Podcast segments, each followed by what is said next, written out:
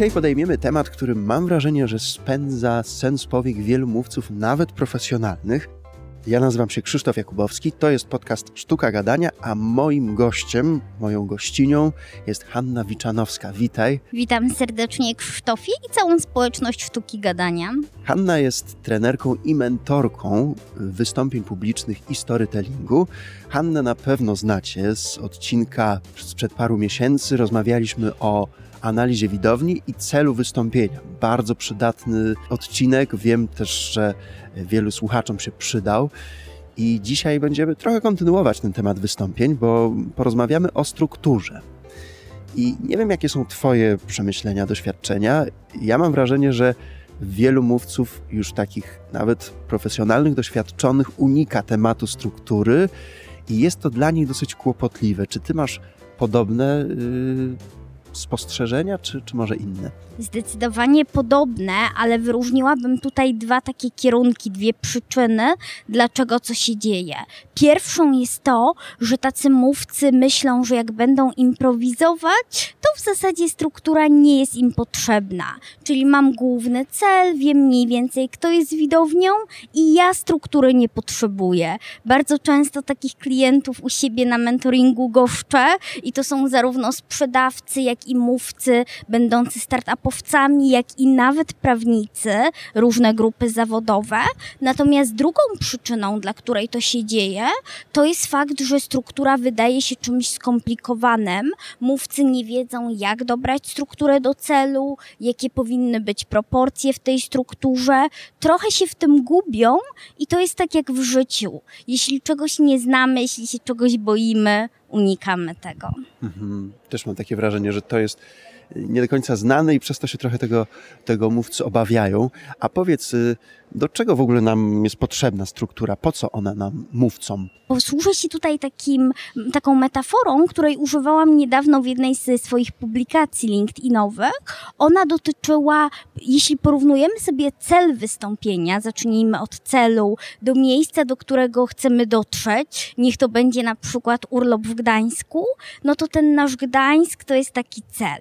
Przy czym, ponieważ wystąpienie jest dla widowni, a nie tylko dla nas, no to zabieramy tam kogoś. Załóżmy, jedziemy z partnerem, z koleżanką do tego Gdańska. Jeśli Gdańsk jest celem, to struktura jest drogą. I pomyślmy właśnie o tym, jaką drogę wybieramy, na przykład jadąc z Warszawy i wyobraźmy sobie, że mówca, który nie ma struktury, jedzie do Gdańska z Warszawy, na przykład przez Zakopane albo przez Rzeszów. Można, teoretycznie wszystko można, tylko po pierwsze, jak my się czujemy jako mówcy, ale dużo ważniejsze pytanie, jak czuje się ta osoba, która jako pasażer, na przykład nasza siostra, nasz partner z nami jedzie, czy ona nam zaufa, czy ona faktycznie po pierwsze nie pogubi się, gdzie ona właściwie jest, po drugie, czy my jako kierowca, jako mówca jesteśmy dla niej wiarygodni i czy ona jeszcze ufa, że my do tego Gdańska na pewno ją dowieziemy. To mi się kojarzy z tym, że struktura jest takim GPS-em albo mapą, jak to dawniej bywało, a my jesteśmy takimi przewodnikami, którzy, którzy prowadzą swoich słuchaczy. Czyli z tego co rozumiem, to nie tylko może się pogubić nasz słuchacz, ale także my możemy się pogubić bez tej mapy, prawda? Dokładnie tak. Struktura pełni, to ona ma kilka funkcji, ale skupmy się w odniesieniu właśnie do widowni i do mówcy. Dla widowni to jest taki moment, że nawet jak się na chwilkę wyłączy, na chwilkę powiedzmy pomyśli o czymś innym, to jeśli mówca klarownie zaznacza strukturę, widownia wie, co już było omówione, szczególnie przy dłuższych, choć nie tylko wystąpieniach, i dokąd idziemy w kolejnym kroku. A my jako mówcy, szczególnie jeśli czujemy stres, jeśli nie mamy dużo czasu, no to struktura pozwala nam po pierwsze ułożyć to sobie w głowie, po drugie, jeśli na chwilkę zgubiliśmy wątek, co się czasami dzieje, pozwala nam ładnie wrócić do meritum, no i nie zaczynać dygresji, nie rozpraszać się trochę na boki. Mhm. A z Twoich obserwacji, jak tak słuchasz y, mówców, którzy nie zadbali o tę strukturę, to jaki może być efekt y, czy, czy, w ogóle może być pozytywny efekt bez struktury, czyli że mówca jednak osiągnął swój cel bez tej struktury, czy to jest w ogóle możliwe? Powiem tak, u bardziej inaczej, nie całkiem bez struktury. Czasami dzieją się takie rzeczy u doświadczonych mówców, że jeśli oni mają już pewną wiedzę, pewien taki background z przemawianiem, no to zdarzają się sytuacje, że okej, okay, straciłem na chwilę wątek, ale ja wiem, co ja chcę powiedzieć i co jest moimi głównymi punktami, ale do tego potrzebuję choćby ramowej, nawet jeśli nie tak idealnie ułożonej, to ramowej struktury. Jeśli mówca nie ma struktury w ogóle, mogą się zadziać prawdopodobnie łącznie dwie rzeczy. Po pierwsze, on sam może się rozproszyć na boki, po drugie, jego widownia się może rozproszyć, stracić uwagę, stracić zainteresowanie, pogubić się w nadmiarze wątków. No i w ten sposób, jeśli widownia nam się gubi, nie osiągamy celu. A tutaj zacytuję mojego dobrego kolegę z branży Jerzego Ziętkowskiego. Jeśli mowa nie osiąga celu, no to co z takiego przemówienia? Jest ono nieskuteczne, jest ono niepraktyczne, niedostosowane do widowni. Tracimy czas naszej widowni, jak i nasz mówców. Pozdrawiamy Jerzego, był wielokrotnie też gościem e, sztuki gadania. Bardzo serdecznie. I teraz no, przejdźmy do konkretów, bo e, struktura wielu z nas, nawet jeżeli boi się y, tego tematu, no to kojarzy się z takim chyba starożytnym postrzeganiem struktury jako wstęp, rozwinięcie i zakończenie. Nawet spotkałem się z takim stwierdzeniem, że kiedyś to wymyślono i nic lepszego już y, nie powstało. Czy to jest taka podstawa struktury, wstęp, rozwinięcie i zakończenie? Inaczej, od razu sobie powiedzmy dwie rzeczy. Po pierwsze, jeśli chodzi o skuteczność osiągania celu, to podział wystąpienia na wstęp, rozwinięcie, zakończenie sam w sobie sobie, on musi być zrobiony, ale gdybyśmy się tu zatrzymali, on nie daje nam nic, dlatego że kluczowa będzie struktura rozwinięcia. Za chwilkę oczywiście powiem, jak dobrać tutaj strukturę rozwinięcia. Inna, inna będzie struktura rozwinięcia dla informacji, inna dla perswazji, inna na przykład dla inspiracji, nieco inna też na przykład dla przemówień takich okazjonalnych, ślubnych czy powiedzmy pogrzebowych. A druga rzecz, wstęp i zakończenie jako osobne części, one też mają swoją strukturę. Ja często widzę takie podejście mówców, czy to sprzedawców, czy naukowców, czy na przykład w ogóle mówców biznesowych, którzy mi mówią, no wstęp to ja zrobię jedno zdanie, zakończenie, no to powiem samo podsumowanie, no i to chyba wystarczy. Nie, to absolutnie nie wystarczy i te części też mają swoją funkcję, a przez to swoją odrębną strukturę. I ten wstęp i zakończenie też mają e, różne struktury w zależności od tego, jaka to jest mowa i jaki ma mieć cel? Zdecydowanie tak, to znaczy są pewne części wspólne, ale inaczej są one kształtowane. Przykładowo, jeśli we wstępie stawiamy problem, to nieco inaczej on będzie postawiony dla wystąpień informacyjnych, perswazyjnych, inspiracyjnych i nieco inaczej będzie zaanonsowany cel. Natomiast jeszcze większe różnice są w zakończeniu i to już w ostatnim zdaniu tego zakończenia, bo na przykład perswazję będziemy kończyć często call to action, takim wyzwaniem do działania inspirację będziemy kończyć pytaniem, też to pytanie może być różnie poprowadzone, a informacje tak zwanym kolejnym krokiem. Czyli na przykład, jeśli informujemy, co to jest cel wystąpienia albo co to jest struktura, no to następnym razem, kiedy będziecie pisać wystąpienie, warto pamiętać właśnie o strukturze czy też o celu. I to jest takie, to nie jest call to action, nie jest dyrektywne, ale dajemy widowni taki taki impulsik, warto o tym pamiętać.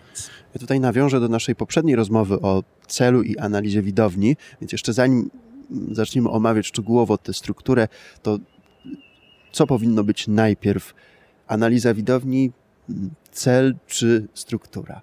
Powiem tak. Po pierwszym krokiem jest zawsze cel i analiza widowni. Może tutaj się powołam na swoje autorskie narzędzie. Generalnie w każdym wystąpieniu mamy cztery poziomy.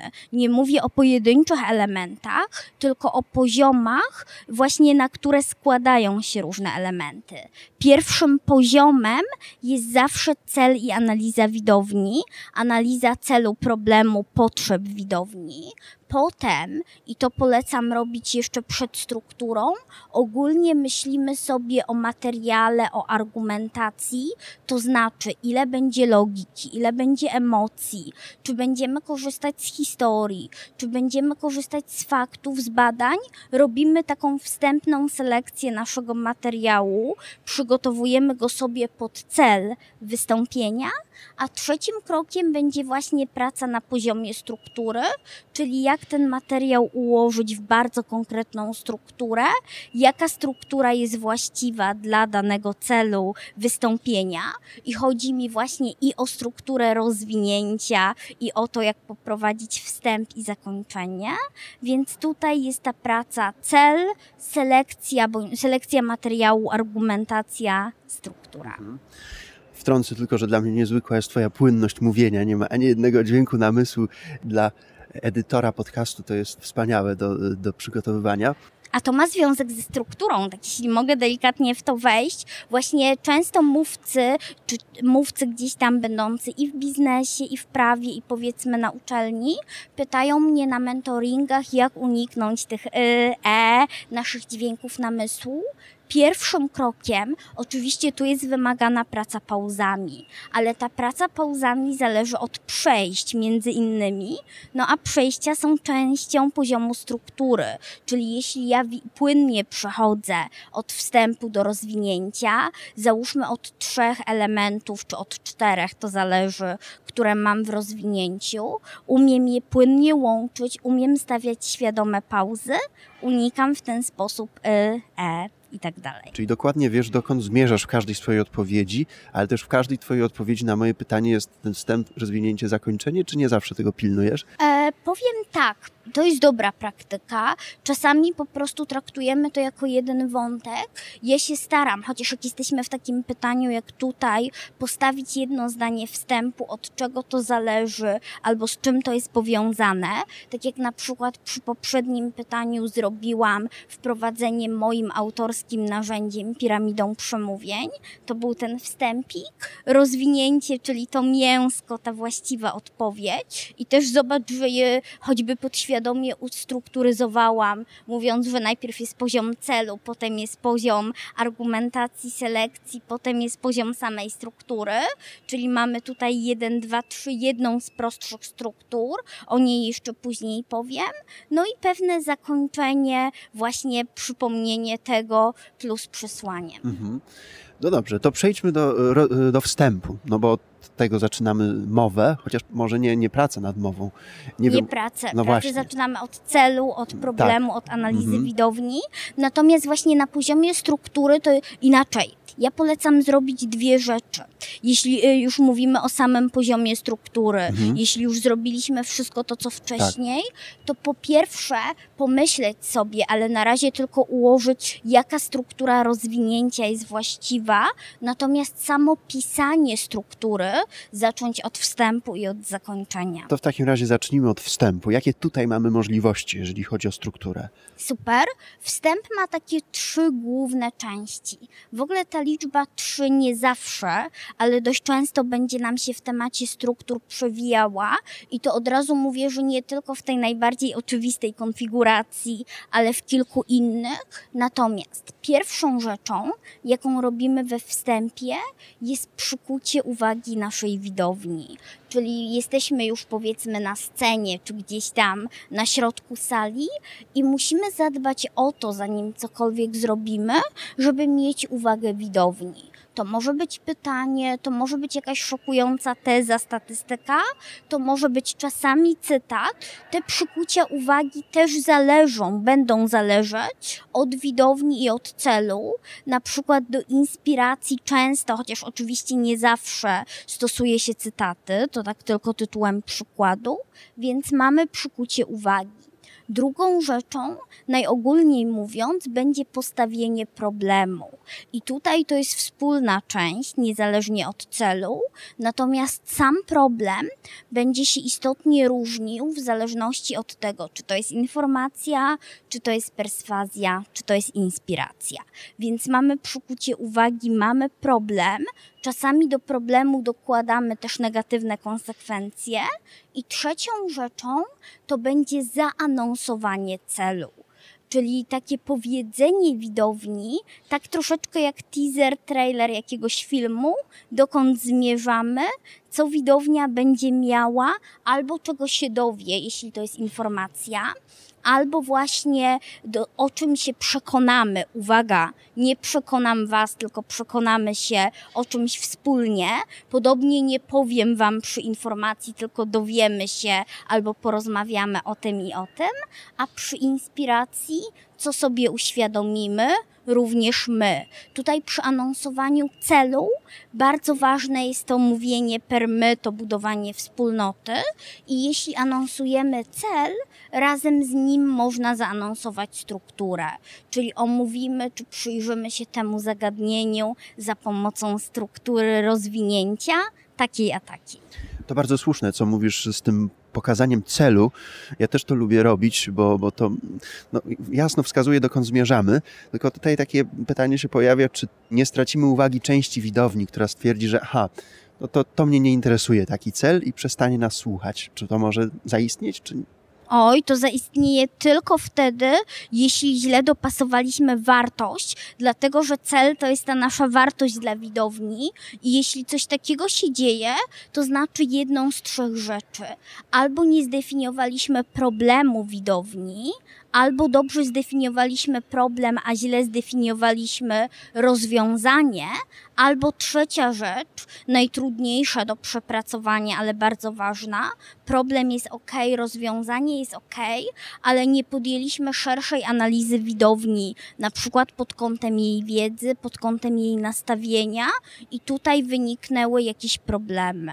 Więc albo też, to się jeszcze rzadziej zdarza, ale może, e, zrobiliśmy dobrą analizę, tylko ten cel, na przykład jeśli wiemy, że widownia może mieć początkowe nastawienie niezbyt przychylne, powiedzmy w przemówieniu perswazyjnym czy inspiracyjnym, wtedy cel we wstępie musimy postawić troszkę łagodniej, czyli nie kategorycznie, powiedzmy dzisiaj uświadomimy sobie, jeśli to jest inspiracja, że to i to, tylko na przykład zadać pytanie, od problemu przyjść do pytania, albo też powiedzieć ogólnie, dzisiaj uświadomimy sobie, czy istnieje rozwiązanie tego problemu. Nie ujawniam jeszcze, jakie to jest rozwiązanie, natomiast postawiłam problem, więc czasami takie łagodniejsze postawienie celu też pomaga. A to jest dobry moment, chociaż mam katar, żeby zaprosić Cię na stronę sztukagadania.pl, ponieważ tam przygotowałem już kilka kursów online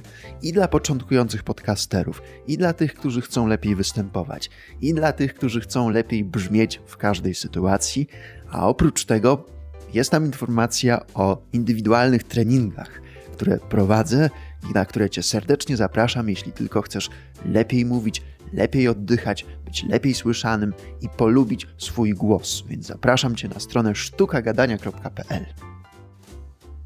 Czyli jeżeli już opracowaliśmy wstęp, to teraz dobrym krokiem jest przejście do rozwinięcia? E, może najpierw się zajmijmy zakończeniem. Ja właśnie polecam pisać te dwie części razem, od nich zaczynać pracę nad strukturą. To znaczy, tak jak mówiłam, jeśli chodzi o strukturę rozwinięcia, my musimy wiedzieć, jaka ona będzie, Natomiast jeśli, o, jeśli chodzi o pracę nad nią, to warto sobie zrobić taki szkic wstępu i zakończenia, mając oczywiście przed oczami, jaka będzie struktura rozwinięcia, natomiast strukturę rozwinięcia już później wypełniać treścią. Dobrze, to w takim razie przejdźmy do pracy nad zakończeniem. Jakie tutaj mamy możliwości i pole do działania, jeżeli chodzi o strukturę? E, tutaj też mamy trzy elementy, właśnie ta nasza magiczna trójca powraca po raz kolejny.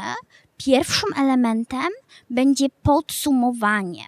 I tutaj chciałabym obalić taki troszeczkę mit, który narósł wokół podsumowania, dlatego że często słyszę od mówców, że podsumowanie jest ważne tylko w wystąpieniach informacyjnych, bo one nam się kojarzą z wykładami, e, czasami z konferencjami, czy to biznesowymi, czy to naukowymi. Nie. Dobre podsumowanie warto i powinno się, choćby ze względu na zapamiętywanie, zrobić również w perswazji, również w inspiracji, dlatego że jego funkcje są dwie.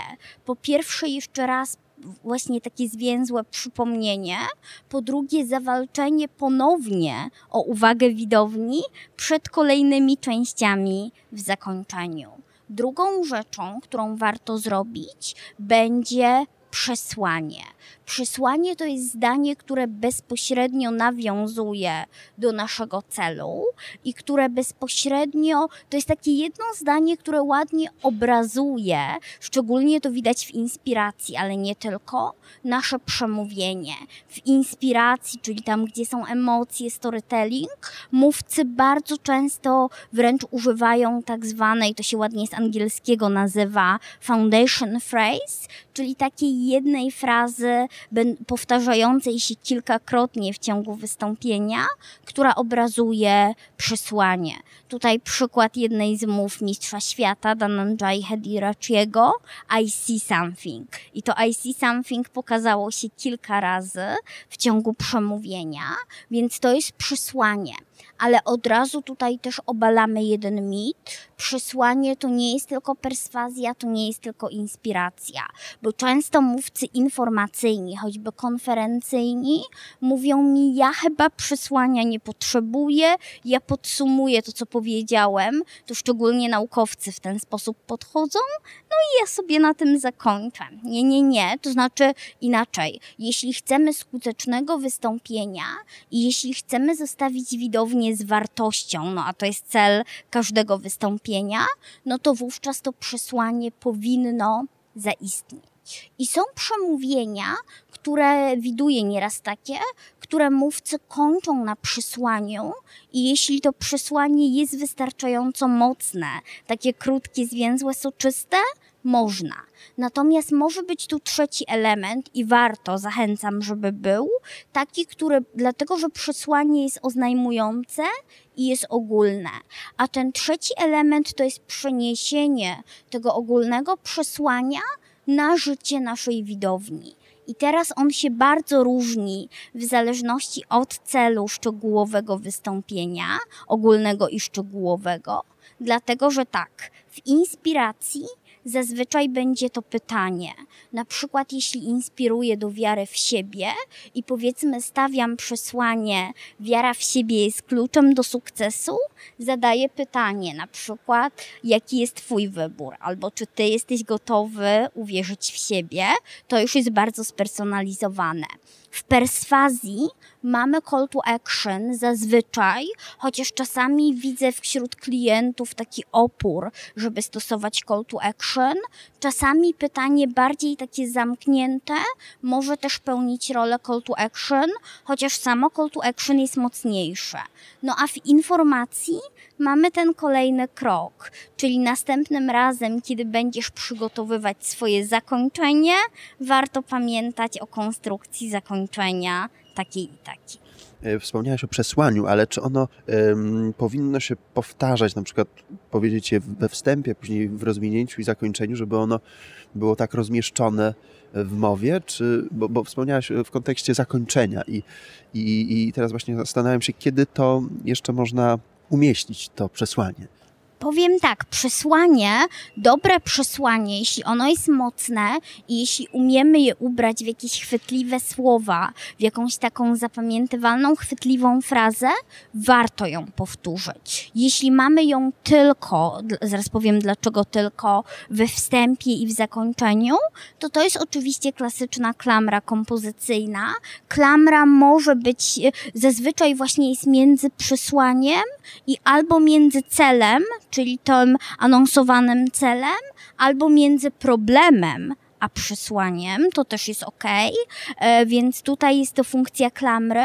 Natomiast czasami, szczególnie w inspiracji, jeśli mamy storytelling, zdarza się, że przesłanie jest pierwszy raz użyte w storytellingu, bo jest radą mentora, który w tej historii występuje dla głównego bohatera, radą jak rozwiązać dany problem, ten o którym w historii była mowa i on się pojawia właśnie pierwszy raz w historii w odniesieniu do głównego bohatera, a potem powraca w zakończeniu, dlatego że wiemy, że widownia ma ten sam problem, no i powraca jako taka ogólna rada, ogólna właśnie wiadomość, takie przesłanie skierowana do widowni. Więc również tak możemy to zrobić. Natomiast czasami to jest coś, co jest w informacji często, przesłanie jest tylko w zakończeniu.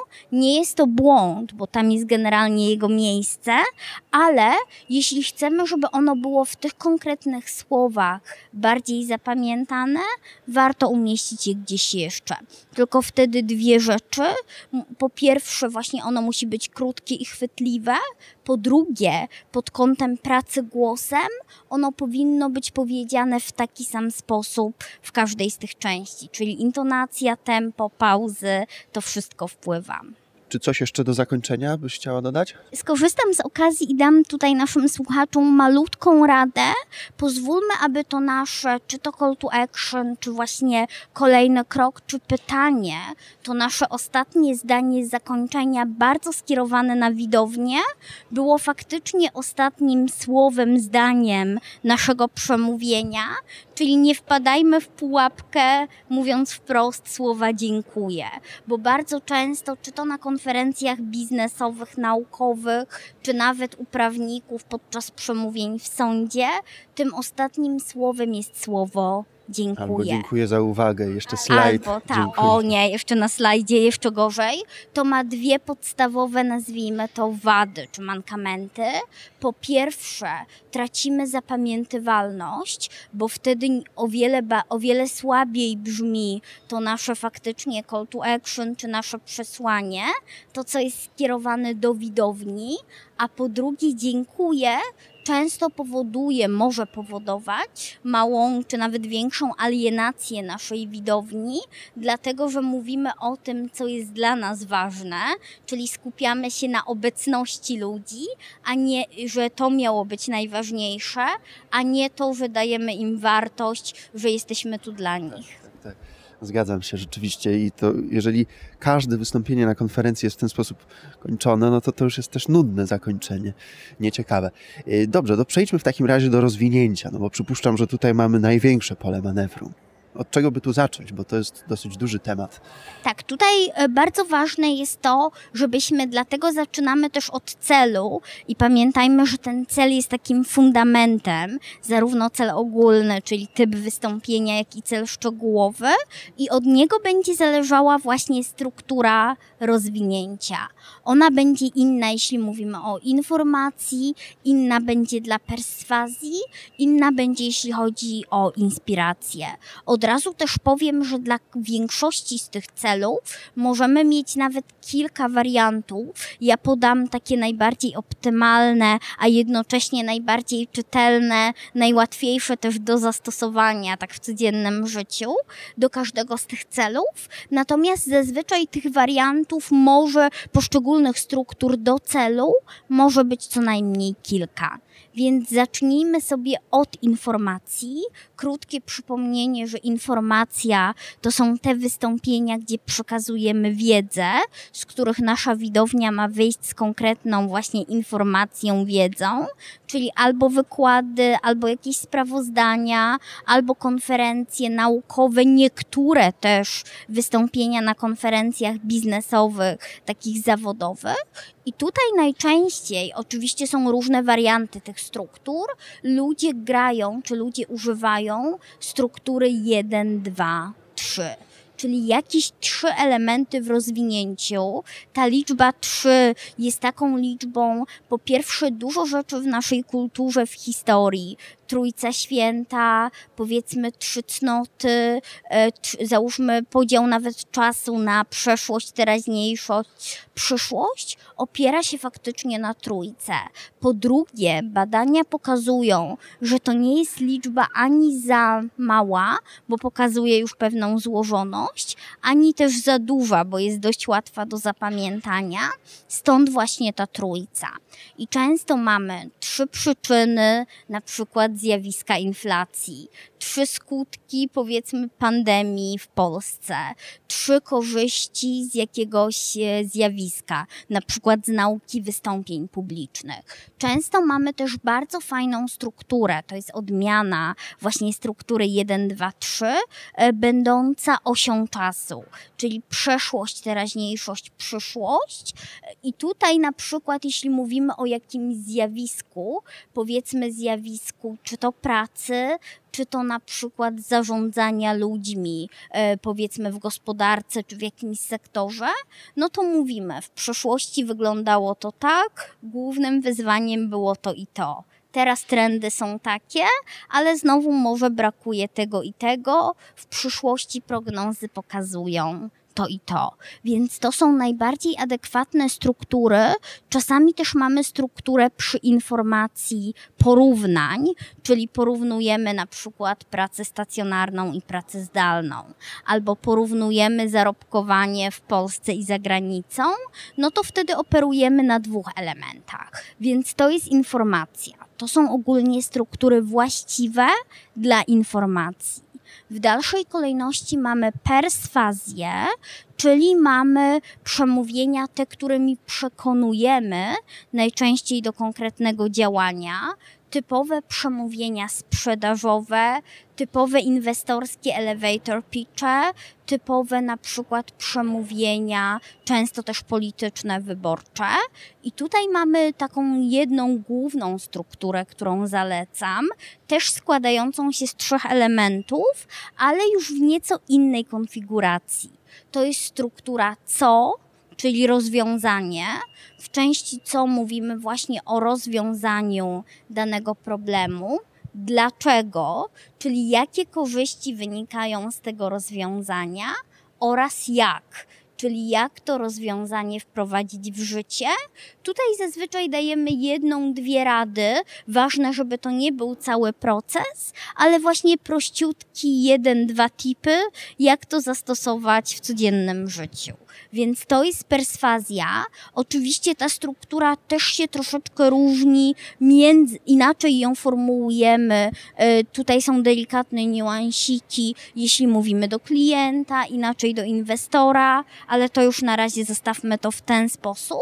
No i inspiracja, czyli tam, gdzie uświadamiamy jakąś mentalność, jakąś ideę, jakieś podejście do życia czy do świata, Tutaj stosujemy zazwyczaj storytelling, czyli to jest oparte na strukturze tak zwanej podróży bohatera, Hero's Journey, już typowej dla storytellingu, gdzie właśnie bohater ma jakiś cel do osiągnięcia, zmaga się z jakimś problemem, upada, najpierw przegrywa, zazwyczaj potem dostaje jakąś radę, jakąś pomoc od mentora, no i dzięki temu udaje mu się nie tylko osiągnąć swój cel, ten pierwotny cel, ale też przejść jakąś przemianę wewnętrzną, stać się bardziej świadomym, bardziej powiedzmy mądrzejszym, bardziej gdzieś tam przygotowanym na kolejne etapy swojego życia. Więc to jest ta struktura storytellingu, nie jest łatwa do zastosowania,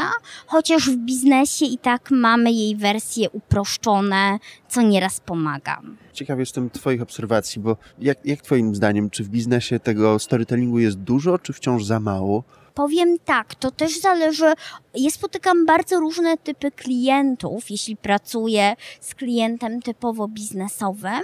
Jedni są w ogóle super entuzjastyczni, tak, storytelling, używaliby go aż za dużo, to znaczy nie potrafią go połączyć, skupiają się tylko na emocjach, mają problem, żeby to połączyć z logiką, z wartościami. Natomiast drugi typ, i to szczególnie są branże albo ścisłe, albo też branża medyczna, czy te okołomedyczne, które mówią nie, u nas tylko twarde dane, fakty, liczby, badania. Nasza branża nie potrzebuje i nie chce storytellingu tutaj pamiętajmy, jeśli mówimy o storytellingu, zawsze warto go postrzegać przez pryzmat takiego fajnego narzędzia, jakim jest trójkąt retoryczny Arystotelesa, czyli właśnie trojaka argumentacja, e, nie tylko argumentacja, ale też trojakiego rodzaju materiał właśnie w wystąpieniach publicznych. Logos, czyli to, co jest oparte na racjonalnych przesłankach, na dowodzeniu, patos, czyli emocje, i właśnie etos, czyli wartości, wartości oczywiście naszej widowni, naszych klientów, naszych partnerów biznesowych, więc tutaj pamiętajmy o z jednej strony równowadze, ale też pamiętajmy i w tym nam pomaga cel wystąpienia, czego powinno być więcej. W perswazji pół na pół mniej więcej. Czy mniej więcej jest to w równowadze? W inspiracji na przykład idziemy dużo bardziej w storytelling, w emocje, w pracę z nastawieniem i tak dalej. Drogi słuchaczu, droga słuchaczko, zapraszam Cię na stronę sztukagadania.pl. Ja już od wielu, wielu lat pomagam ludziom lepiej mówić, to znaczy czuć się pewniej ze swoim głosem w każdej sytuacji publicznej, polubić swój głos i poprawić jego brzmienie, wyrazistość. Dlatego zapraszam Cię na stronę sztukagadania.pl, gdzie znajdziesz informacje na temat indywidualnych treningów, i kursów online, które przygotowałem. Zapraszam sztukagadania.pl. Co jeszcze byś dodała do tego, żeby nam pomóc w tej strukturze się poruszać sprawnie? Dokładnie tak. Tutaj jest taka kwestia, która się nazywa przejścia w strukturze i pod tą troszkę enigmatyczną nazwą kryje się po prostu płynność tego, jak w konkretnym wystąpieniu już na scenie, czy gdzieś tam na sali łączymy ze sobą nie tylko właśnie te duże części, czyli wstęp, rozwinięcie, zakończenie, ale na przykład kilka argumentów w rozwinięciu, e, czy na przykład właśnie te części storytellingowe. I teraz jak możemy sprawić, aby nasze przejścia były płynne i były dla widowni czytelne. I taką główną radą, którą mogę dać, jest to, aby te przejścia zaznaczać pauzami. Czyli kończymy na przykład pierwszy punkt w rozwinięciu, stawiamy pauzę. Drugą taką bardzo prostą, fajną radą będą tak zwane frazy przejściowe, czyli że zaznaczamy. Na przykład, skoro omówiliśmy rolę celów w wystąpieniu, przejdźmy do roli na przykład struktury. Albo skoro omówiliśmy punkt pierwszy, kolejnym naszym punktem jest to i to. I dzięki temu, po pierwsze, my o wiele lepiej panujemy nad całym wystąpieniem. Między innymi, właśnie te przejścia pomagają w unikaniu dźwięków namysłu, czyli nie rodzą nam się te wszelakie y, e i tak dalej z mora mówców publicznych, a z drugiej strony, co jeszcze ważniejsze, widownia widzi i nadąża. Nie tylko jest w stanie to rozczytać, ale myślowo jest w stanie podążać za naszą strukturą. To jeszcze jedno pytanie na koniec, bo podzieliła się mnóstwem różnych wskazówek. To teraz, czy mogłabyś nam poradzić, jak to ćwiczyć najlepiej, Twoim zdaniem, żeby to w weszło nam po prostu w krew. Super, jest kilka porad. Zacznijmy od tego, że właśnie musimy się cofnąć troszkę do początku, czyli pierwszy krok, bo bez tego nie wskoczymy na poziom struktury, to będzie właśnie ustalenie celu wystąpienia. Najpierw jego typu, a potem zadanie sobie pytania o ten cel szczegółowy, czyli ten już bardzo konkretny, z czym moja widownia ma wyjść po tym wystąpieniu potem, jeśli już to mamy, warto przepracować to, co nazwałam dzisiaj argumentacją, czyli ogólnie pomyśleć sobie, czy w moim wystąpieniu na przykład ma być więcej logiki czy emocji, na jakim rodzaju materiału, argumentów będę bazować. I potem, jak już mamy te dwie rzeczy, oczywiście też jest analiza widowni, ale to już pomijam, mówiąc o strukturze, e, chociaż oczywiście pamiętajmy, że ona jest super istotna, ale mówiąc o samej strukturze, warto sobie rozpisać e, w pierwszej kolejności strukturę rozwinięcia, rozpisać taki właśnie główny konspekt. E, na razie nawet nie musimy nazywać tych punktów, ale właśnie wybrać strukturę rozwinięcia, czy to będzie ta informacyjna 1, 2, 3, czy to będzie co, dlaczego, jak, czy to będzie storytelling. Natomiast samo pisanie polecam zacząć od wstępu, przede wszystkim od wstępu i też bardzo często od zakończenia. Oczywiście potem, jak już sobie te rzeczy zrobimy, bardzo możliwe, że trzeba będzie potem już po napisaniu całego rozwinięcia jeszcze je doszlifować, tak dopolerować, ale właśnie osadzenie, e, praca ze wstępem i z zakończeniem bardzo nam pomaga w tym, czy mamy faktyczny problem, czy mamy cel, więc ona bardzo dobrze łączy pracę nad celem i pracę ze strukturą. Jeśli chodzi o strukturę rozwinięcia, też są dwa sposoby. Można ją zostawić jako konspekt, nazywając sobie na przykład trzy punkty w rozwinięciu i od myślników pisząc sobie, co ma być w każdym z tych punktów, albo tutaj w zależności od osobistych preferencji rozpisać już to sobie treściowo zdaniami. Więc tutaj sposobów pracy ze strukturą, no i oczywiście potem na dalszym etapie nagrywamy się, patrzymy na przejścia, zwracamy uwagę na pauzy, na ile ta, jeśli pytamy też kogoś o informację zwrotną, warto zadać dwa pytania po pierwsze, czy cel jest dla ciebie klarowny, ale po drugie, czy sama struktura również jest dla ciebie klarowna. Czy na przykład widzisz wyraźnie, co następuje po czym.